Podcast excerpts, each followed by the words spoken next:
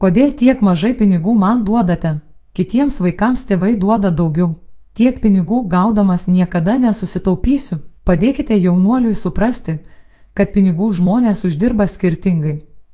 Tai priklauso nuo jų išsilavinimo, darbo pobūdžio, galimybių dirbti ir PAN kiekviena šeima pagal savo pajamas nusprendžia, kokioms išlaidoms ir kiek gali išleisti pinigų. Pirmiausia, būtina atsidėti dalį biudžeto būtinosioms išlaidoms, tada nenumatytoms išlaidoms ir bendriems norams bei tikslams. Atostogoms ir PAN atvirai pasidalinkite su atžala. Kad jam ar jai paskirta kišenpinigių suma yra tokia, kokią leidžia šeimos biudžetas. Taip pat svarbu papasakoti, kad kiekviena pinigų suma yra reikšminga ir prisideda prie taupimo tikslo siekimo. Jeigu svajonė atrodo nepasiekiama, pasiūlykite vaikui pergalvoti savo norus ir galimybės. Vertėtų pasiūlyti ir drauge paieškoti būdų, kaip sumažinti atžalos išlaidas arba kaip vaikas galėtų papildomai užsidirbti. Kodėl negaliu pirkti, ko noriu? Vienas senovės mąstytojas yra pasakęs, kad svarbu yra negauti tai, ko nori, o žinoti, ko tau iš tiesų reikia. Šis posakis taikliai apibūdina ir šių laikų dvasę. Neretai patys pasiklystame ir nebeskiriame tikrųjų savo poreikių nuo norų.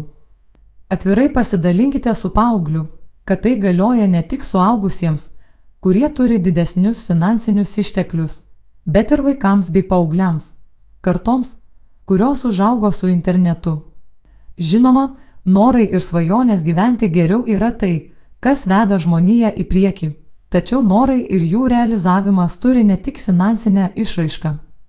Pakalbėkite su vaiku apie tai, kiek norai kainuoja ne tik piniginiai, bet ir visai planetai. Padėkite jam atsakyti į klausimą, ar to man šiuo metu reikia labiausiai, ar nebandau džiaugsmo nusipirkti ribotų žemės išteklių sąskaitą.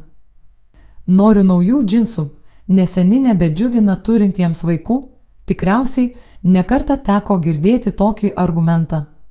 Priimant sprendimą, pirkti juos ar ne, be keliasdešimties eurų džinsų kainos, yra ir kita papildoma kaina, kurią būtina papasakoti ir paaugliui. Vienai porai džinsų pagaminti sunaudojama apie 7,6 tūkstančiai litrų vandens.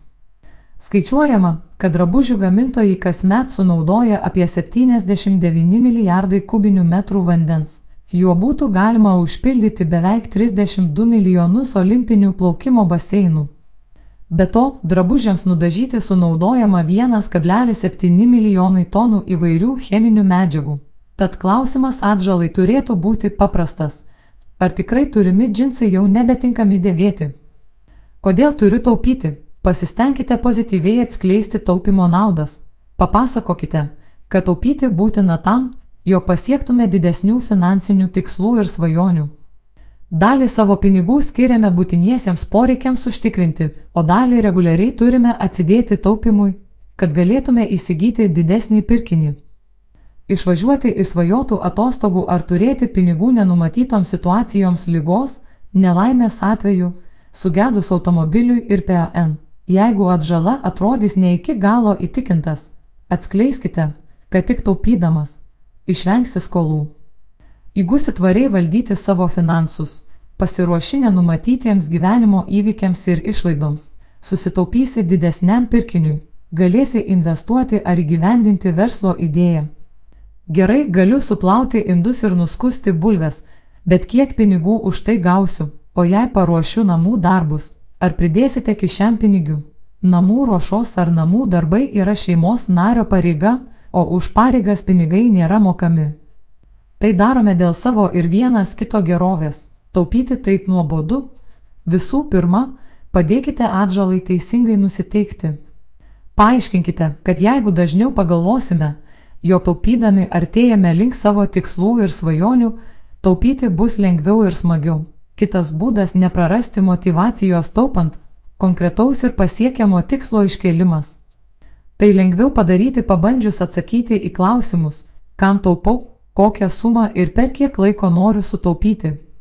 Norint, kad tikslas nepasimirštų ir labiau motivuotų, pasiūlykite paaugliui pasidaryti svajonių žemėlapį, tai yra norimų daiktų dalykų koležą ir jį pasikabinti matomiausioje kambario vietoje.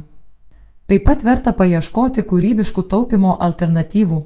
Galbūt galima atsisakyti šokolado ir arbatos puodelio kavinėje arba parduoti savo nenešiojamus drabužius. Išlaisvinkite fantaziją ir drauge padiskutuokite su savo atžala.